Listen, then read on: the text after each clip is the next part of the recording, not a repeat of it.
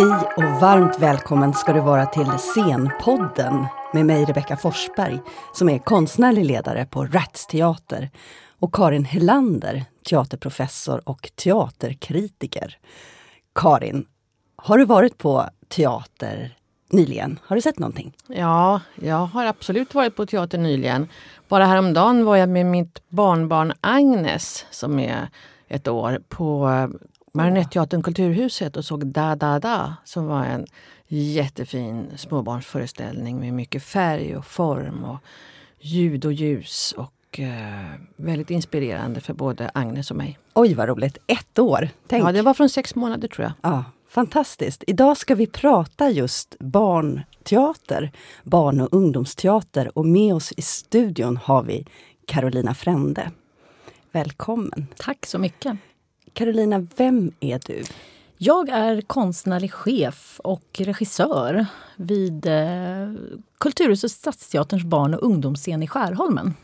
Oj, spännande. Mm. Skärholmen. Hur länge har du varit det?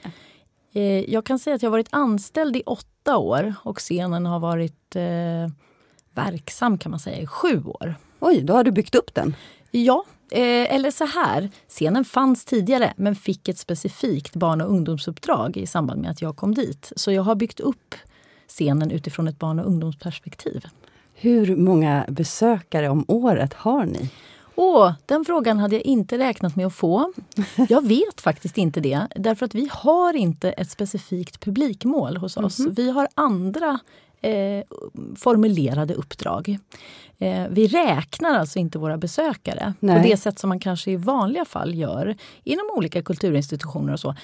Jo, vi räknar dem, absolut. Men det är inte det som står i fokus för oss. Nej. Det är inte det vi behöver redovisa faktiskt. Vad, vad är det ni redovisar? Då? Vi redovisar antal föreställningstillfällen, ja. antal produktioner som har varit. Mm. Eh, antingen egenproducerade eller produktioner som har varit hos oss på gästspel eller i samarbete eller mm. residens. Eller. Mm. Och sen också andra projekt och samarbeten som vi gör med närområdet och grannskapet. Riktar ni er till skolor då eller ja. ungdomar som kommer bara förbi? Eller hur ser det ut med ja, en barn och ungdomsscen? Det är båda delarna. Man kan säga att till 90 procent skulle jag säga att vi i Skärholmen spelar föreställningar för skolpublik. Mm. Och det är också en del av vårt uppdrag, att göra det i väldigt hög utsträckning. Sen är det så att alla våra föreställningar är offentliga. Det betyder att du som vanlig icke-barn mm. kan komma och eh, köpa en biljett eh, till en föreställning som spelas klockan 10 och 15 en tisdag. Mm. Eh, men då kan man ju förstå av tiden kanske att det här är ju särskilt planerat för skolpubliken. Just det, men det är inte slutet och stängt utan Nej, man kan det är det gå inte. dit och få Och sedan se. så har vi också då föreställningar för man kan säga en bredare allmänhet på helger och lov och ja, andra tider då, då nära vuxna till barn inte arbetar eller har annat för sig. Ja. Du sa barn och ungdomsperspektiv. Mm. Är det någonting som ligger i uppdraget eller har du lagt till det själv? Och vad menar du med det? Ja, det, det ligger i uppdraget. Det var den frågan jag fick helt enkelt. Och hur tolkar fick, du det då? Jag tolkar det som dels är väldigt eh, konkret faktiskt. Det vill säga att allt vi producerar själva i form av konst i princip, jag skulle säga till 98 procent, eh, ska vända sig till människor som är mellan 5 och 19 år gamla. Mm. Och det är ju inte definitionen av barndom enligt eh, lite såna där eh, styrdokument Nej. kan man säga som finns. Mm. Men det är så vårt uppdrag mm. ser ut. Det vill säga, man kan säga ett år av förskolan före man kommer till sexårsverksamheten. Mm. mm. Och sedan hela det svenska skolsystemet, både det ofrivilliga och det frivilliga. Det vill säga grundskola och gymnasium. Den publiken ska vi fokusera på. Hade du jobbat någonting med barn och ungdomsteater innan du fick det här uppdraget och blev chef? Ja, mycket faktiskt. Väldigt mycket. Eh, dels så fanns det med som en väldigt stark tråd i min utbildning. Eh, jag gick eh, regiutbildning för teater på Dramatiska institutet mellan åren 96 och 99. Mm. Eh, och där hade jag Susanne Osten som professor. Eh, och därför var ju också barn och ungdomsperspektivet ett fullkomligt självklart inslag. Kanske inte alltid benämnt som det, mm. eh, utan benämnt på lite olika sätt. Men sen har jag delat min tid som regissör, som verksam regissör, eh, i princip eh, skulle jag säga hälften hälften riktat till, till en publik som är yngre och en publik som är äldre. Mm. Jag tycker det är intressant att prata om hur man formulerar sig kring ålder. Eh, ålder är ju en av våra kriterier i diskrimineringsgrunderna faktiskt. Mm. Eh, och jag tycker att det är intressant mm. om man tänker på eh, hur vi pratar om eh, ja, unga, äldre, vem är äldre, vem är ung, vem är ett barn? Eh, det där måste man liksom problematisera. Hur då menar du? Att man måste tänka om man gör en ungdomspjäs så, så behöver man inte definiera Jo, det behöver man absolut göra och man behöver jobba väldigt noggrant med, eh, med hur man möter sin tänkta målgrupp. Mm. Eh, men dels så tänker jag att vi har alltid ett vuxenperspektiv mm. Eh, när vi tittar på barn och unga.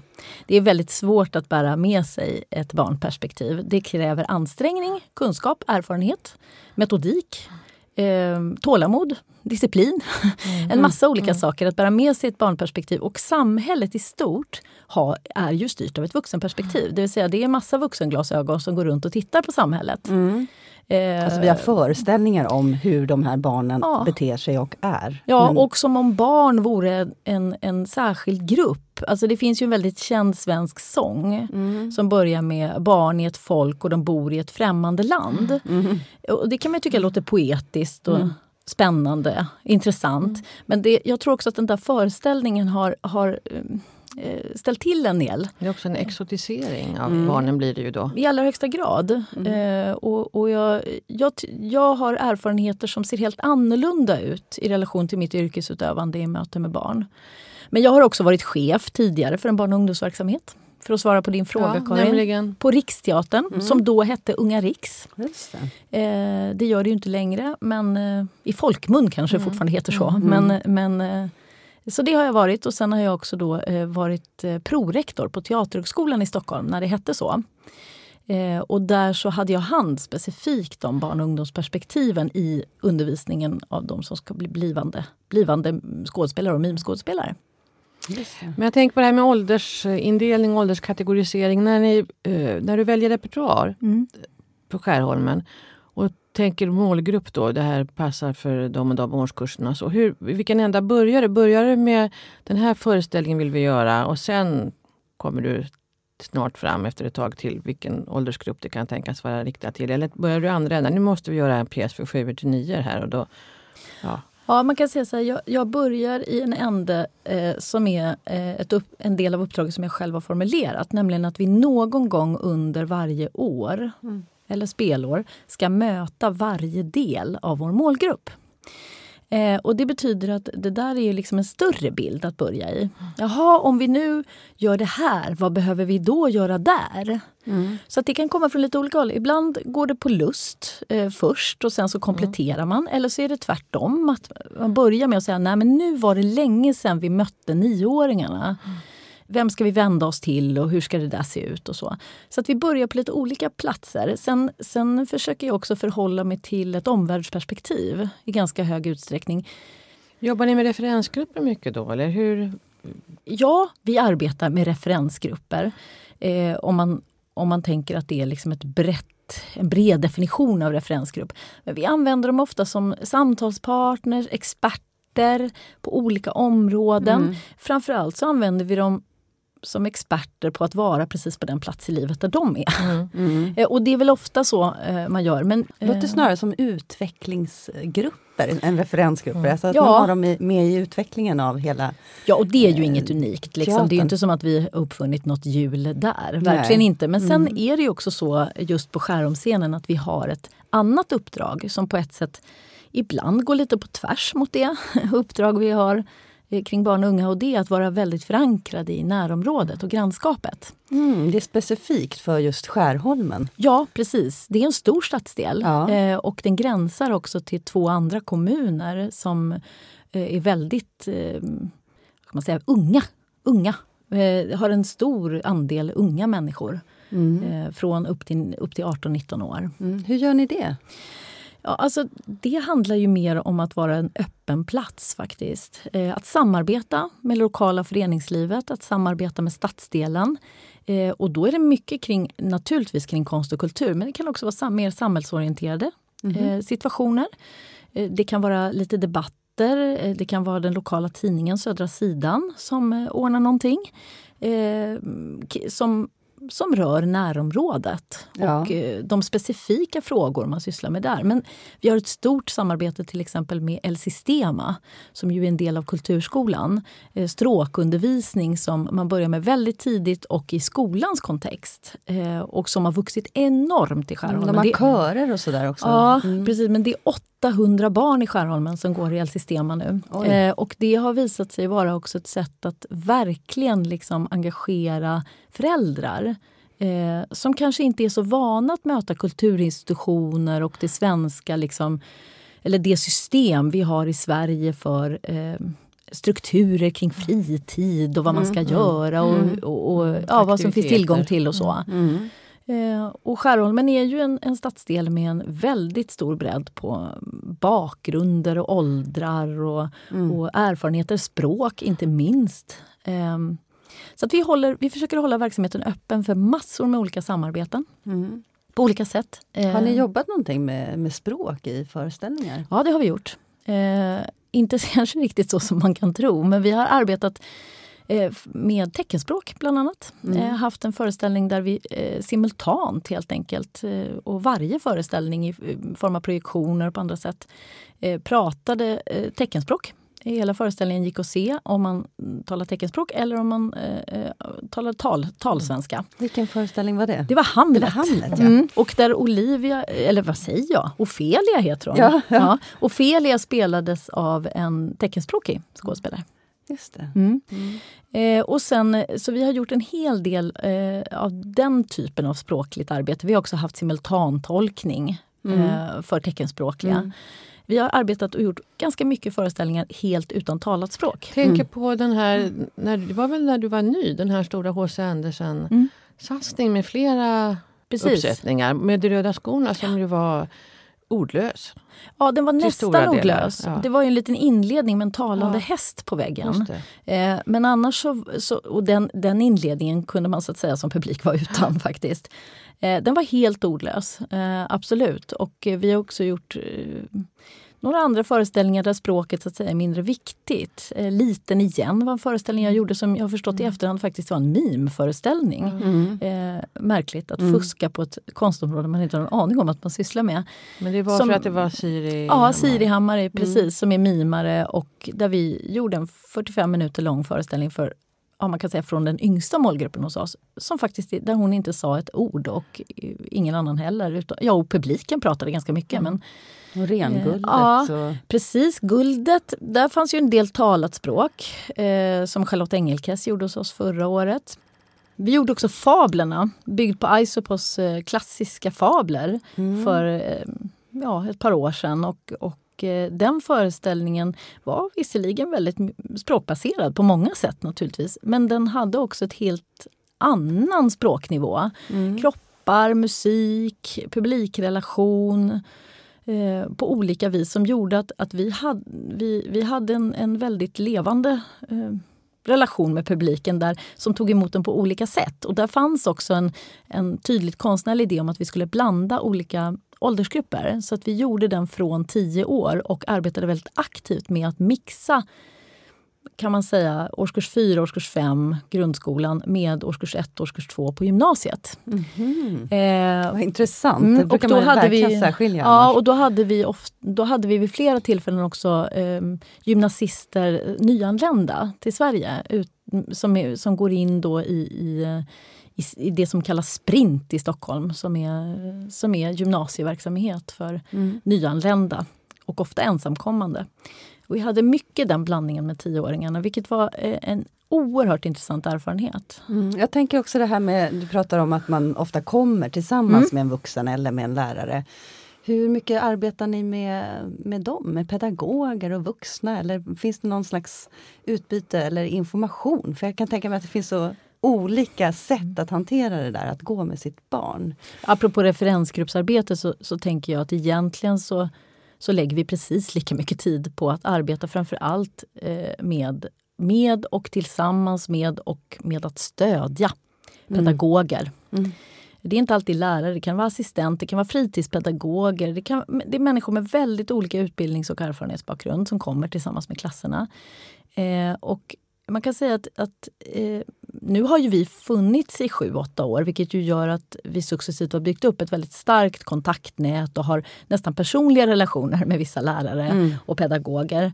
Ehm, och även med privatpersoner naturligtvis som återvänder till våra föreställningar. Men det är liksom inte vårt huvudfokus utan det är lärarna. Och vi, vi arbetar både med inspirationsmaterial till varje föreställning. Mm -hmm. Vad är det för något? Det är kan man säga en, en sorts handledning ja. eh, som, som kan hjälpa läraren på vägen till hur man kan integrera den här konstnärliga upplevelsen i någonting som är en pedagogisk verksamhet, ja. nämligen skolan. Oj, det är ett jättestort jobb, jobb eh, tänker jag. Ja, det kan det vara absolut. Ja. Eh, och, och, samtidigt så, så är det också där att vi, vi behöver hålla oss väldigt ajour med läroplaner, utbildningsplaner och kursplaner på olika nivåer i skolan för att veta också hur vi ska stötta på bästa sätt mm. utan att själva bli pedagogerna. Jag tänker de är ofta väldigt genomarbetade de här inspirationsmaterialet men det är också så att det egentligen kan vara hur kan man tala vidare kring det här temat? Mm. Eller finns det liksom spår man kan ta upp i klassen? Eller mm. hur kan man liksom göra drama? Alltså det behöver inte vara så märkvärdiga saker att göra mm. utan det är mer att man får lite liksom bokstavliga konkreta tips på så här kan man om man vill Läsa arbeta vidare. Ja, men precis. Ja, precis, så är det. Och, precis ja. så är det. Eh, och sen så ordnar vi också då lärarträffar och det kan ofta relatera till någon föreställning vi gör men det kan också vara lite andra sammanhang där vi bjuder in lärarna för, att, för inspiration och, och som en liksom extra bonus. Mm. För att det är ett väldigt speciellt tänker jag, åtagande mm. att kanske resa en timme på tunnelbanan med 30-32 eh, nioåringar. Eh, mm. Och det första man gör på morgonen eh, i, i någon sorts liksom så kall, mörk eh, torsdag i januari. Mm.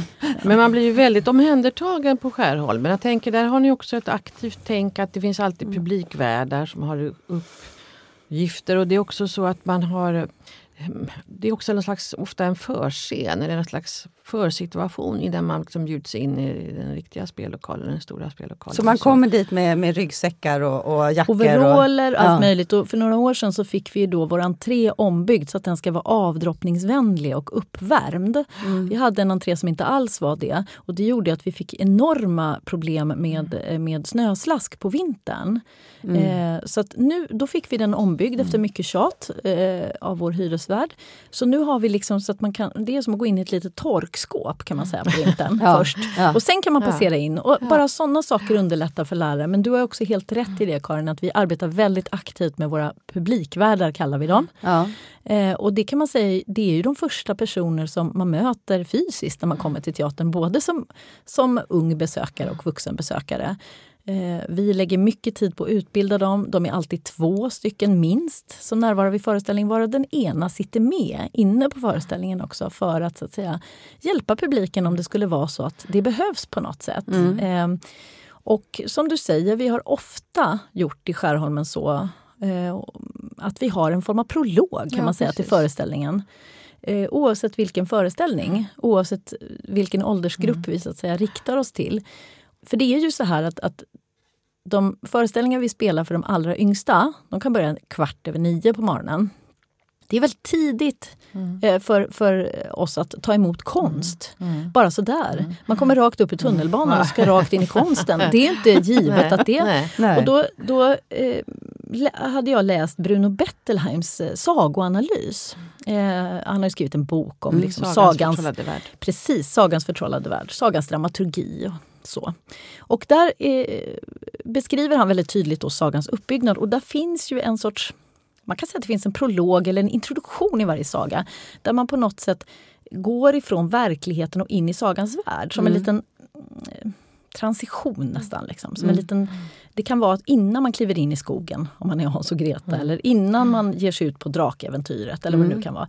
Och det där tänkte jag, så här, det där borde man väl kunna göra mm. eh, ur ett sceniskt mm. perspektiv. Mm. Och det kan man ju. Och vi har det så bra då så att vi har lite lokaler mm. som liksom ligger tillgängliga och som är publikvänliga. Så man går in där innan man ska in på Ja, antingen så gör vi någonting i själva foajén som är en väldigt numera praktisk och användbar plats. Mm. Och eh, trappan till foajén? Trappan till foajén har vi använt. Mm. För man går upp för en trappa när man mm. kommer till oss och ska gå på teater. Vår stora scen ligger en trappa upp.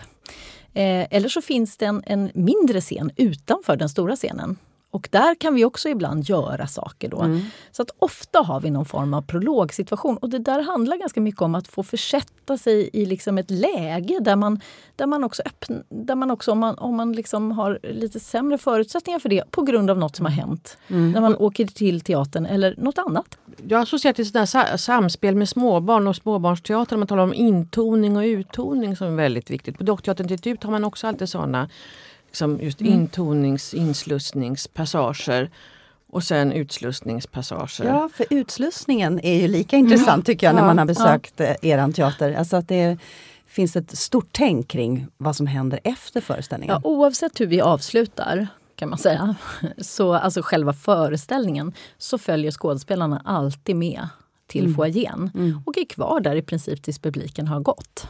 Mm.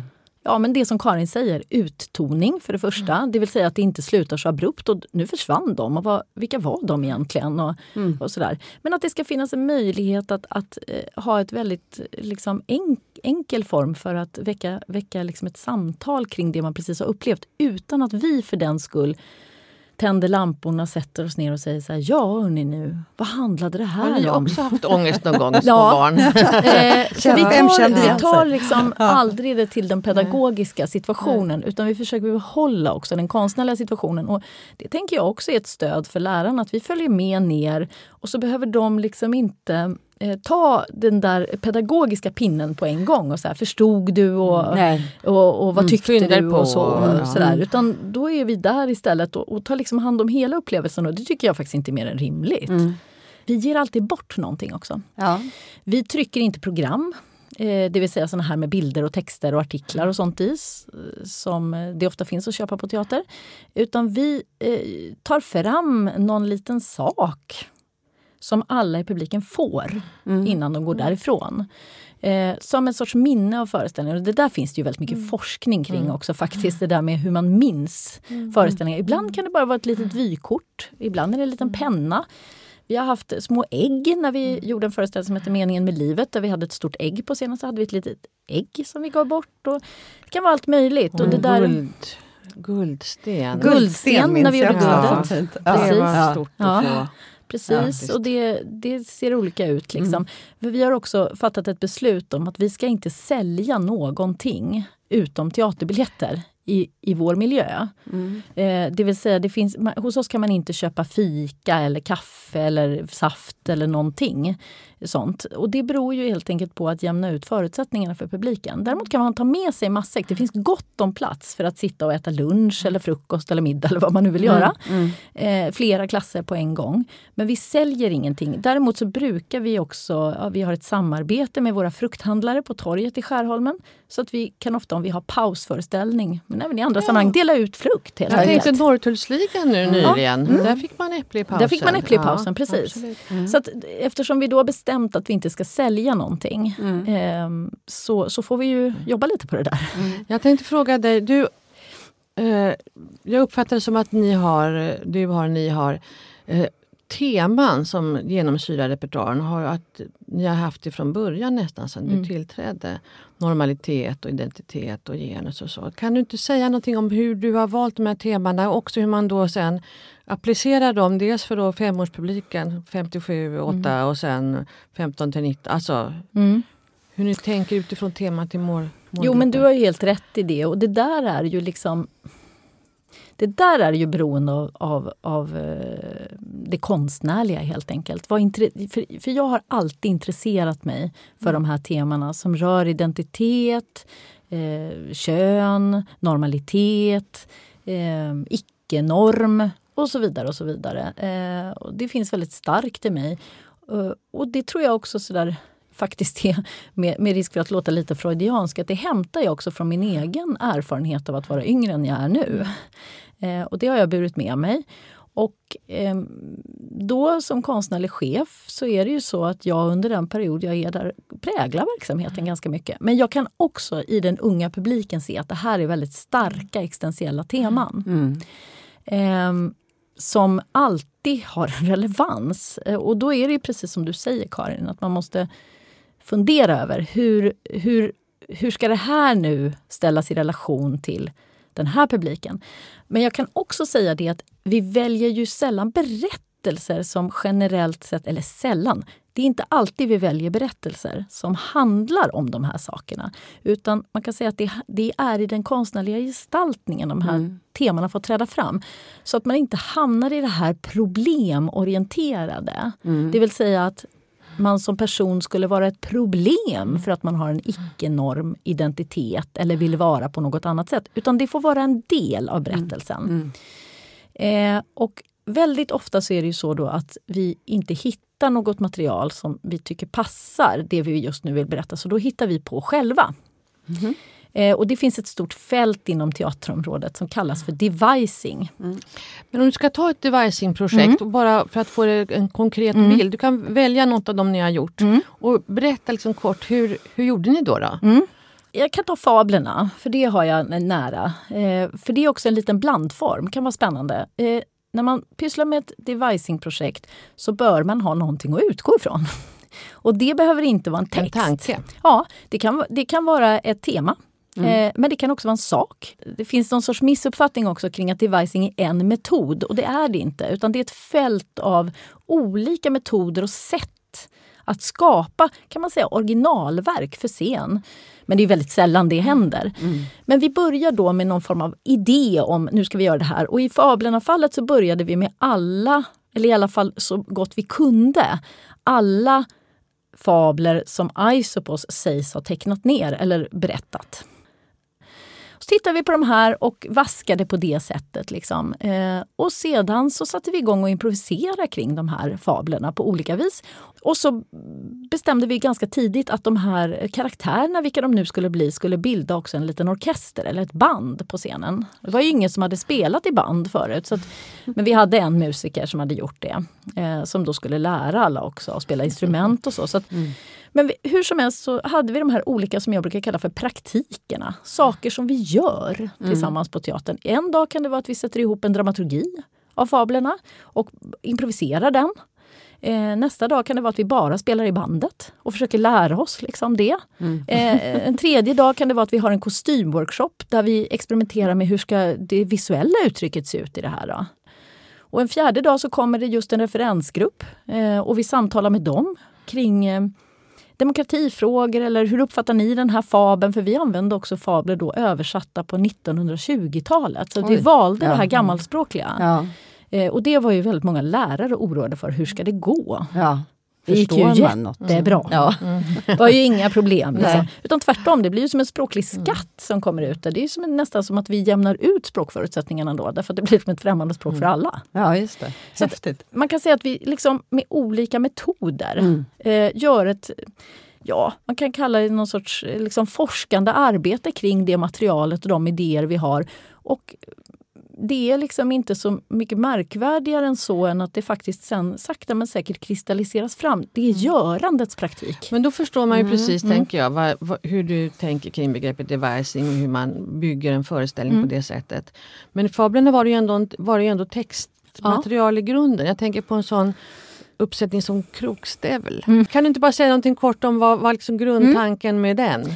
Jag hade då eh, varit i skärmen kanske fem år när vi gjorde den och mm. hade iakttagit i foajén. Eh, jag brukar ofta gå ut där när jag har tid liksom, innan föreställning och efter föreställning och bara hänga lite med publiken eller på avstånd. Jag brukar inte interagera så mycket men titta lite hur går det till här ute. Och jag hade då liksom iakttagit under, på ett ganska metodiskt sätt att villkoren för det som jag uppfattade som pojkar och det som jag uppfattade som flickors eh, möjligheter i foajén utifrån pedagogernas perspektiv såg väldigt olika ut. Mm. Det vill säga för de barn som jag uppfattade som pojkar så var det helt okej okay att de var jätteexpansiva, sprang runt och gjorde sig av med energi innan föreställningen och liksom tog plats. Mm. Och, nej, det var inga konstigheter alls. Liksom. Mm. Medan, medan ofta fick man höra, liksom, jag, jag kunde höra en lärare som sa Sitt där nu borta och läs de där böckerna eller kan inte ni vara tysta här och så. Till de som jag uppfattade som flickor i mm. foajén. Och det där intresserade mig väldigt mycket. Eh, och jag valde då i ett läge att säga att ja, men det här tror jag att vi ska försöka ringa in och göra en föreställning av. Det vill säga flickor och ilska. Vi arbetade med det som ett tema och då kopplade vi in, eh, vi gör ofta det, att vi har ett, ett, liksom ett forskarperspektiv. Vi har gäster som har sysslat med eh, flickor eller unga kvinnor och ilska. Olika perspektiv, sociologiska perspektiv men också konstnärliga perspektiv, litteraturvetare etc. Mm. Vi kopplade ihop oss med ett nätverk som heter Flickforsk som är väldigt brett mm. eh, nätverk som, med forskare som forskar kring flick, flickor mm. eller det man kan uppfatta som flick på mm. något sätt. Eh, vi utarbetade sen då en föreställning som på ett sätt handlade om fyra stycken flickgestalter som lekte att de var arga. Mm. I ett jättestort rum med en enorm lila spindel. Mm. Men då lekte vi helt enkelt ilska och improviserade kring mm. om vi skulle leka ilska, hur skulle vi göra då? Mm. Så att det var också så att de visade upp ilska för varandra, mm. skådespelarna. Eh, men nästan min favorit i den där föreställningen så småningom blev nog en, en sekvens där var och en skulle göra ett ilskesolo. Just det. Den där föreställningen provocerade ju eh, vuxna. Varför det? Vad var det för reaktioner? Vad hände? Oh, jag, jag, jag hängde inte med i den, den debatten där. Nej, men, men, det var ingen debatt, det kan man inte påstå. Men man kan väl säga så här, det var väl inte den föreställningen där, där liksom vuxna ställdes upp och gjorde vågen direkt. Det var också så här att vi valde att skilja vuxna från barn när man gick in i rummet. Så barnen fick gå in först och liksom eh, hitta sina platser och så.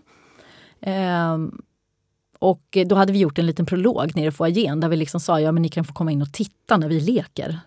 Ni får inte vara med. Liksom. Väldigt så tydligt. Mm, mm. Eh, och de var ganska, eh, för att använda ett göteborgskt uttryck, tykna de här tjejerna. Liksom, lite sådär von oben. Mm. Eh, och sen så satte vi ihop eh, vuxna då i par och så fick man gå så på led som, man, som vuxna tvingar barn att göra. Mm. Fick man gå längs hela kanten och så att barnen fick titta på när de vuxna skulle gå på led och gå rakt och sådär liksom. Och sätta sig längst bak och så. Och det där tror jag bara det, vissa vuxna blev eh, mjuknade i det läget, andra blev hårdare än, ja, än vad de kom. får sin törn. Ja, och sen är det också det här med normfrågan liksom, ja. kring eh, jag tror att, att det omedvetet eh, hos många var så att det sitter en väldigt tydlig norm att flickor ska inte mm. agera ut Nej. på det här sättet Nej. som vi gjorde i rummet. Obehagligt. Det är obehagligt. Så ja. Fast det är inget direkt narrativ tyckte väldigt många. Det finns ju inget narrativ här. Vad är det för berättelse? Nej. handlar inte om någonting. Liksom. De bara håller på. Springer runt och skriker i rummet mm. i 40 minuter.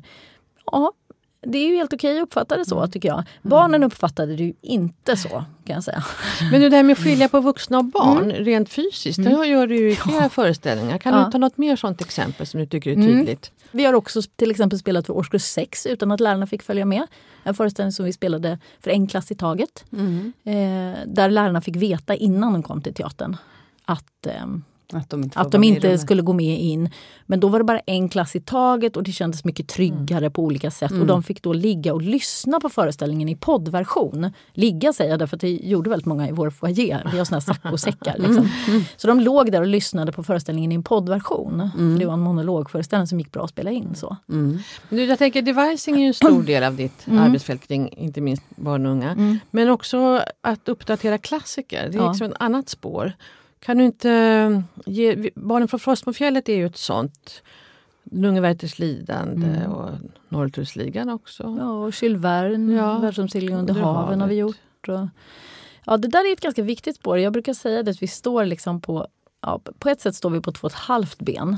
För vi har liksom den här, har, det har blivit en, en ganska starkt spår att vi på olika sätt arbetar med uppdaterade klassiker. Det är oftast inte pjäser från början. Mm. Utan det är böcker helt mm. enkelt. Eh, kan vara barn och ungdomslitteratur eller litteratur som så småningom har blivit en del av barn och ungdomsfältet. Så att säga.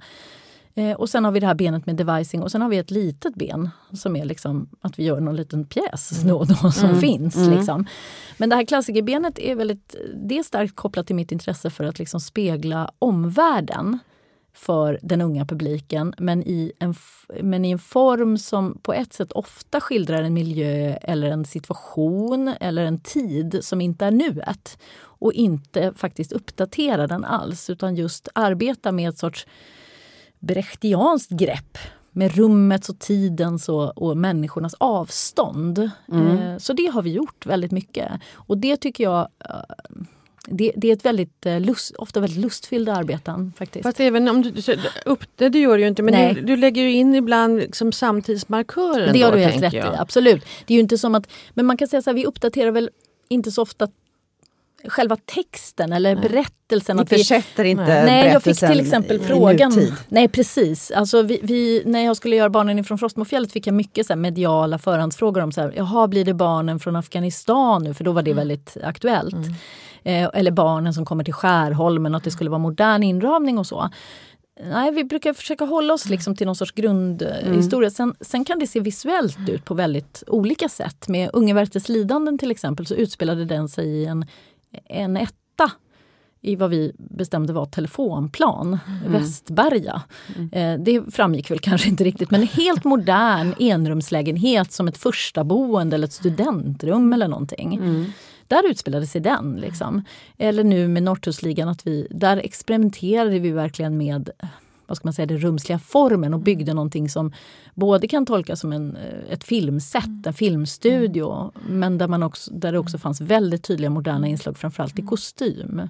Mm. Och även musikaliskt. Att liksom krocka nutid och dåtid på skaviga och oväntade sätt. Och Norrtullsligan liksom, är från början då skriven av Elin Wägner. Precis, och, och, den är ju över hundra år gammal. Ja, och Werther Goethe ska vi också säga. Precis, exakt. Men jag tänker också på det här i ett historiskt perspektiv, Karin. Hur, hur ser barn och ungdomsteater ut? Eh, var, var någonstans befinner sig Carolina Frände i det här? Ja, det... Carolina är ju väldigt egen tycker jag. Eh, och jag tänker på Skärholmsverksamheten. Jag skulle inte säga att du är lik den och den. Jag tänker att du är en av flera yngre, en yngre generation som man ser har inspirerats av Susanne Osten i en slags eh, djärvhet och nyfikenhet och vilja att ta barns villkor på allvar och testa både gränser och nya fält och marker och så. Men sen just den här kombinationen med devising och klassiker, den tänker jag, det är, det är mycket Carolina Frände. Ja. ja och Skärholmen. Eh, sen tänker jag att det är, alltså Stadsteatern Skärholmen är ju en scen som är knuten till Kulturhuset Stadsteatern i Stockholm. Det finns ju flera sådana väldigt bra framstående barn och ungscener i Sverige som är knutna till stora institutionsteatrar. Unga Dramaten har ju varit väldigt bra länge under Agneta Ehrensvärd. Nu har man ny chef, Adda Berger, som precis bara har hunnit börja. Men eh, Backa teater i Göteborg naturligtvis, Ungscen Öst. Eh, Eh, Norrköping, Linköping Öststateatern är också ett exempel. Det finns fler. Så där, jag tänker ni har både egentligen resurser kanske bättre än många av frigrupperna som också arbetar med mycket barn och ungdomsteater på ett förtjänstfullt sätt. Ni har resurserna men också konstnärliga ledare som har liksom spetskompetens och ibland också glider emellan barn, ungdoms och vuxenteatern vilket jag också tror är viktigt. Eh, och som helt enkelt är visionära och framsynta och gör spännande saker. Varför skulle det vara viktigt att man, att man går emellan? Jag tror alltid att man ska röra sig mellan olika världar. Jag tänker det här med omvärldstänka som du har, att, som klassikerna kan stå för. Jag, tänker, jag är ju likadan själv. Jag jobbar ju med barnkultur och barnteater som forskare men också vuxenteater. Och man lär sig av det ena för det andra. Och det, det är viktigt att man liksom sågar ner trösklarna tycker jag mellan mm. barn och ungdomsteater och mm. vuxenteater. Och att liksom låta de här världarna som ändå på vissa sätt är olika varandra men ändå liksom befrukta varandra. Att, inte minst att vuxenteatern måste ta del av allt det spännande som händer inom barn och ungdomsteatern. Mm. Jag tycker mycket av det allra bästa som sker inom vuxenteatern görs av regissörer och ensembler som arbetar med barn och ungdomsteater. För de har den där nyfikenheten och djärvheten ofta. Mm. Och inte minst tror jag eh, känslan för publiken och vikten av publiktilltal och intressera sig för sin publik. Jag tänker om man ställer frågan till dig också. Hur, eh, alltså, Carolina Frände, barnteater, ungdomsteaterlandskapet. Var ser du själv att du har dina friends sådär, eller samarbetspartners eller lika eller diskussionspartners? Mm. Alltså dels så precis de du nämner. Liksom. Alltså, vi, vi har ju, Backa var ju liksom en förebild för Skärholmen, mångt och mycket organisatoriskt också.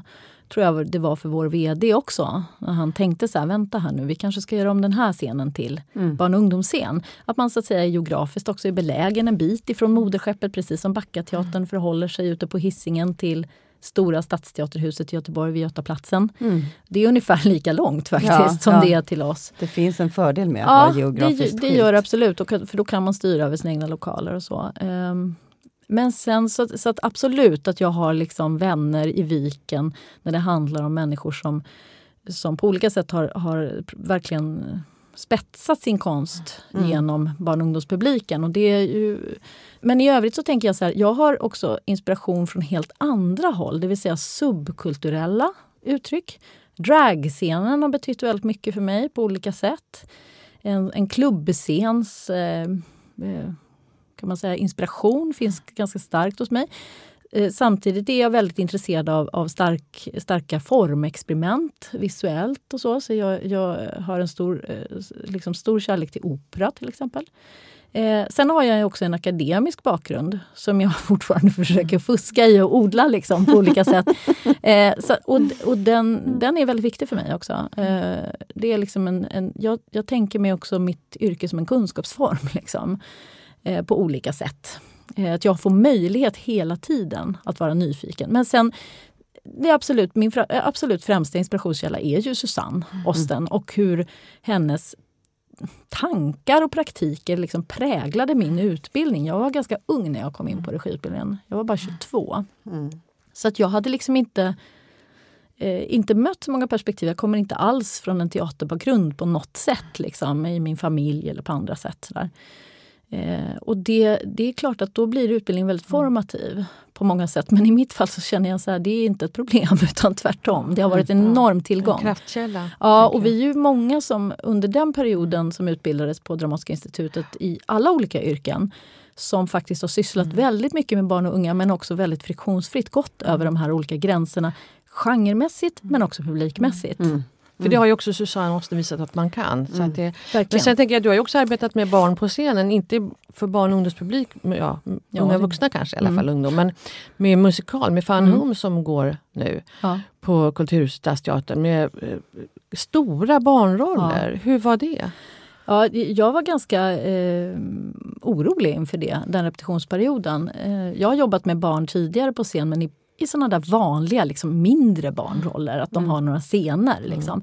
Men här handlade det om tre barn och framförallt eh, huvudrollen som lilla Allison som faktiskt verkligen måste det man brukar kalla på teaterspråk leverera mm. från scenen. Mm. Eh, I flera liksom solosångnummer, eh, koreografiskt och framförallt spelmässigt ja. också på ett sätt den karaktären var med i 24 av 35 scener. Oj. Så då kan man ja. förstå mm. dimensionen. Liksom. Och hur gammal? Uh, ja, de flickor som spelade Allison är 9 och 10 år mm. gamla. Mm. Uh, och uh, Man kan säga så här att, att väldigt mycket av mina liksom, farhågor kom på skam.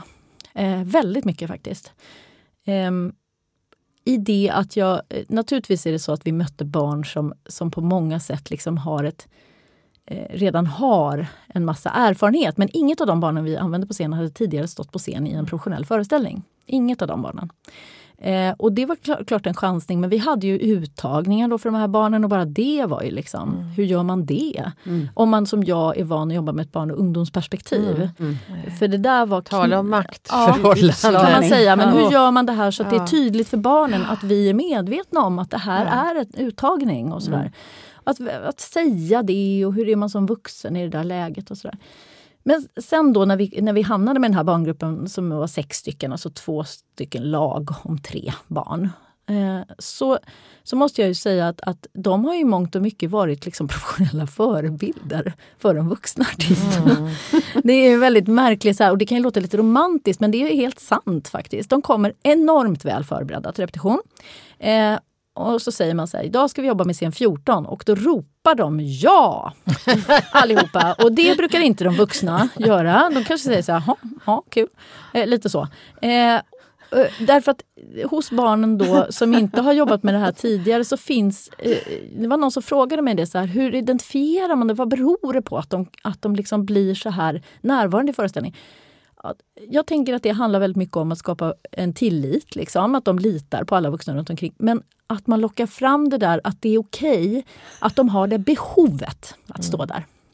Det vill säga, det får inte liksom, eller det får och får, men, men de har, alla de sex barn som vi har jobbat med har ett behov av att stå på scenen mm. och uttrycka någonting. Mm. Det handlar liksom inte om att de egentligen har behovet av att bli tittade på mm. primärt. Det, tyvärr så kan man säga att de utvecklar det mm. under föreställningsperioden ganska starkt. Mm.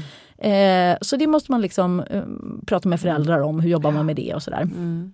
För vi har haft jättebra föräldragrupp också runt barnen och det är jätteviktigt. Men framförallt innan så att säga, publiken kommer och man jobbar eh, med dem i repetition och så, för det är ju ett hårt arbete mm. och dagligt traggel och tjat och liksom allt det där. Att locka fram behov, alltså för de, det är det jag letade efter. Jag letade efter barn med behovet, mm. förutom att man var tvungen att kunna ta vissa toner och höga C och mm. ditten dutten. Så, så letade jag efter barn med behovet att uttrycka sig. Mm. Eh, för det är ju en förutsättning också för att kunna fantisera och leva sig mm. in i någonting. Mm. Liksom. Eh, och de här barnen som vi mötte hade det här teatrala uttrycksbehovet. Jag tror att alla barn har ett uttrycksbehov. Mm. Det ser bara väldigt olika mm. ut. Vissa uttrycker sig via matematik mm. eller eh, fotboll. Mm. Eller, alltså det kan vara mm. vad som helst. Eh, de här barnen har det här liksom, behovet av att berätta genom kroppen. Att, mm. och, föreställa sig att de är någon annan. Eh, och därför blir det här liksom, och det blir en väldigt maxad resa för oss professionella också. Därför att man plötsligt får kontakt med det som är ens kanske ursprungligaste mm. skäl till varför man började jobba med det här. Därför att man har något sorts mm. behov av det där uttrycket. Mm. Mm. Också kopplat till leken tänker ja, jag. Precis. Teaterleken som är kopplat till uttrycket. Mm. Det blev ju mycket, mycket lekfullare stämning ja. kan man säga mm. Eh, på repetitionen. Men också mycket mer disciplinerad. Mm. Intressant att mycket, mycket mer disciplinerad. Sidorna. Det vill säga mycket mer så här, mm. ja nu ska vi göra det här. Mm. Ofta var det barnen som sa så här, men sluta prata, vi ska göra scenen nu. Ja, ja. liksom. vi ska börja avrunda, ja, men Karin du kanske hade någon, någonting som du ville lyfta innan vi avslutar? Nej, jag tänkte bara fråga dig Carolina. Har du själv varit med om någon sån där som ung eh, omvälvande teaterhändelse? Mm. Eh, det har jag. Eh, fler, eh, tre stycken faktiskt som jag ofta går tillbaka till. Liksom. Jag väljer en av dem då, eh, som kanske är den jag tycker är liksom mest, mest sådär levande hos mig. Jag är uppväxt i ett litet, litet samhälle i Västra Götaland så att jag hade liksom inte någon tillgång till livesinkomst dagligen eller på något eh, kontinuerligt sätt. Men jag hade en kusin som bodde i Stockholm och så åkte vi hit och hälsade på lite då och då. Och eh, då gjorde vi det på, på sportlovet och då är ju sportlovet olika då på västkusten och östkusten. Så att jag fick gå på hans förskola med honom en vecka i Stockholm. Mm. På en stockholmsk förskola Oj. uppe vid Sofia skola. Det var, det var så fantastiskt, mm. bara det. Ja. Men då skulle de gå på teater. Eh, och eh, jag fick följa med. Åkte med den här eh, förskolegruppen då till eh, Komediteatern vid Gröna Lund. Mm, mm. Den finns ju inte längre den lokalen tror jag, men den fanns då. Det här är ju liksom i slutet på 70-talet någon gång. Eh, och vi åkte Djurgårdsfärjan. Man kom ju av Djurgårdsfärjan där precis vid Allmänna gränd. Liksom, och, så, och så fick vi gå in där. Och det var ju eh, Dels det var som en sorts arenateater om jag inte minns fel. Jag har ju bara liksom minnesbilder mm. av det här. Men också en, mycket en sommarteater. Men det här var då på vintern. Mm. Men vi var där inne och eh, satte oss där. Det var ganska mycket barn. Så här. Och sen så hör jag utanför så här. Här kommer Ville och Valle. Och, och jag så här, nej men vad är detta? För jag hade ju sett Ville och Valle och Viktor på tv. Ja. Eh, Barn-tv på 70-talet, mm. det är liksom min kulturella grund. Mm. Och eh, de grammofonskivor som kom. Och jag hade Ville och Valle och Viktor-skivor, alla olika liksom, grammofonskivor, satt med stora lurar hemma och lyssnade. Och jag, ins, alltså, jag, jag kunde liksom inte förstå förrän de klev in i rummet. Så här, det är de och de finns på riktigt. Mm. Alltså de, det är inte, det är liksom det där, jag fick någon koppling tror jag som handlade om det där med det le, den, le, alltså den kroppsligt närvarande konsten. För att jag hade tittat väldigt mycket mm. på barn-tv. Mm. Eh, det var inte alls den skärmkultur som det är nu utan det var ju verkligen exklusivt det där. Det var liksom barnprogrammen och vissa tider och så. Liksom, och inslag i andra program så här, som man gillade. Eh, men när de klev in där och sjöng sin den här sången och sen spelade föreställning då. Jag, jag var så tagen av att jag har fått höra det efteråt, att jag var tyst liksom. Mm. Resten av dagen. Mm. Det, var en sån otrolig, och jag, det var en sån otroligt stark upplevelse.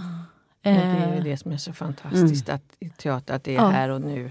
Och jag Precis. kunde ju alla texter och liksom, eh, det var ju under den här kärnkraftstiden och de sysslade mycket med energipolitik mm. och sådär. Och jag var väldigt engagerad i det och tyckte att det var viktigt och så. Mm. Av någon anledning. Mm. Och det var också den där känslan av att det här är, är, här och nu men det kan också skildra någonting som är större. Ja. Eh, det öppnar världen för mig. Om jag kom från ett sånt pyttelitet samhälle med 8000 invånare liksom, till det här, så här Villova och Viktor. Världen mm. öppnade sig. Men det är det jag brukar säga. Mm. Teater öppnar nya världar. Mm. Mm. Tack Carolina Frände för att du kom hit till Scenpodden och delade med dig av dina erfarenheter som konstnärlig ledare för barn och ungdomsscenen i Skärholmen. Och tack Karin för att vi igen fick sitta här tillsammans och möta våra eminenta gäster mm. som bara kommer hit och mm. berättar. Mm. Tack själv. Tack. Ni möter oss igen om ett par veckor, då med en ny spännande gäst. Missa inte det.